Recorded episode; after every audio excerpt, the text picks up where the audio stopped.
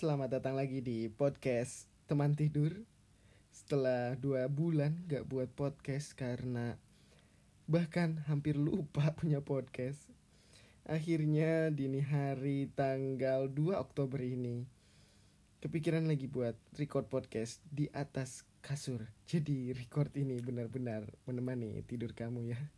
Di episode di episode 7 dan selamat datang di podcast teman tidur yang malam ini akan membahas tentang ada curhatnya, ada juga sok taunya, ada juga perspektifnya. Ya seperti biasalah, namanya juga nemenin teman-teman tidur ya.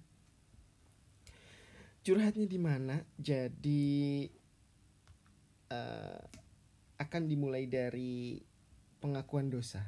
Pengakuan dosa. Ya, pengakuan dosa bahwa apa yang pernah Isfi lakukan sama orang, entah itu seseorang, entah itu beberapa orang, baik yang disengaja maupun tidak disengaja, baik yang masih diingat maupun sudah lupa. Ya, yang namanya perspektif selalu ada dan kalau dari karena adanya perspektif, maka setiap orang punya penilaiannya sendiri terhadap benar atau salah. Dan Hisfi tidak bisa mengintervensi hal tersebut seperti di podcast uh, episode sebelumnya ya di episode 5 dan episode 6 tentang rivalitas dan juga tentang perspektif. Bahwa sebetulnya sih kalau dipikir-pikir kalau kita ngomongin benar atau salah itu nggak ada ujungnya karena setiap orang tuh punya definisinya masing-masing tergantung dia mau melihat dari sudut pandang mana uh, sekalipun uh, apa yang kita lakukan itu sesuatu yang benar menurut kita belum tentu benar menurut orang lain.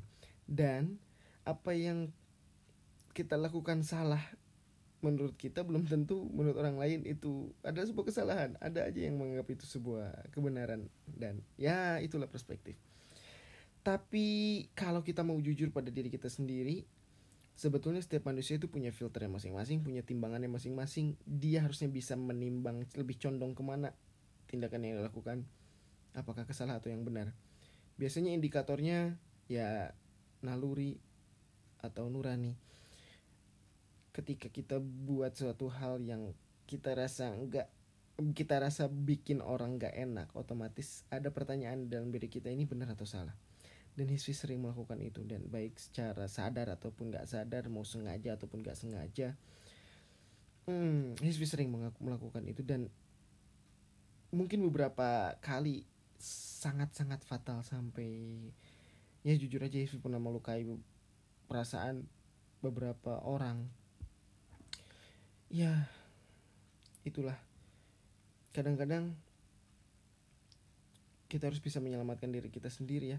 Lebih terlihat seperti egois tapi kalau kita mau pakai perspektif yang lebih luas bahwa ya keyakinan kita kan kalau apa ya kebetulan itu eh apa dunia ini nggak ada yang kebetulan. Everything happen happen for a reason gitu. Jadi kadang-kadang kita untuk tahu kenapa sesuatu hal terjadi dan kenapa suatu hal bisa menimpa diri kita ketika pertanyaan kenapa itu tidak menemukan jawaban kita harus geser perspektif kita ke arah lain atau dari sisi yang lain supaya mungkin jawabannya ada di situ. Hmm, setidaknya dengan kita punya banyak perspektif kita mencoba untuk lebih lebih apa ya berempati mungkin ya. Dan itu yang sulit. Hisfi pun beberapa kali fatal dan beberapa kali gagal bahkan sering gagal melakukan empati itu. Ya Hisfi pernah dekat dengan beberapa orang lalu Hisfi tinggalkan begitu saja. Akhirnya menyesal padahal meninggalkannya itu bukan dengan sengaja tapi ya karena faktor kesibukan atau fak ya gitulah. Kadang-kadang bingung juga ya jadi orang yang gak enakan untuk nolak suatu perintah. Kadang-kadang pengen nolak suatu perintah tapi di satu sisi duh gimana ya kayak enak juga buat nolaknya gitu hal-hal yang kayak gitu kan sebenarnya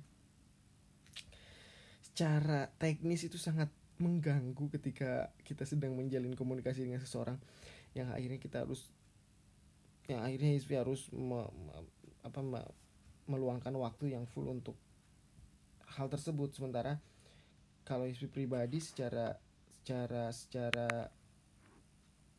uh, kalau Hisbi pribadi ya secara apa ya secara secara cara kerja otaknya itu tidak multitasking gitu. Jadi kalau misalkan lagi ngerjain sesuatu nih lagi ada kerjaan itu bener-bener ngerjain itu sampai lupa sama terakhir chat sama siapa chat siapa yang belum dibalas gitu. Chat siapa yang belum dirit eh misalkan sehari dua hari tiga hari satu minggu dua minggu lupa aja. Tiba-tiba di satu titik eh kemarin perasaan lagi chat sama dia dan kenapa ditinggalin? Ya Allah kok segini amat ya sama kerjaan? Tapi kan begitu kita mau chat lagi dia udah update galau dia udah ya gimana mau baik lagi juga tahu diri ya.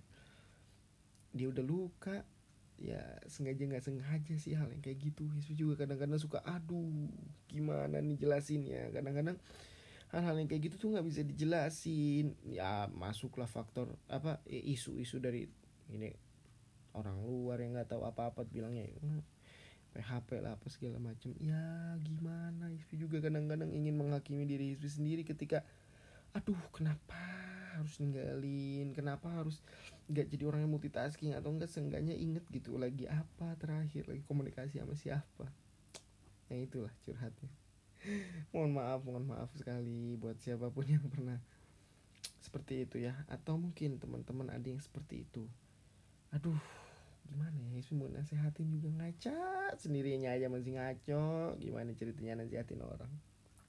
Ya udah bersambung aja lanjut tidur ya. Selamat malam sampai ketemu di podcast episode 8 ya siapa pun yang mendengar podcast ini semoga tidur anda nyenyak dan sampai jumpa lagi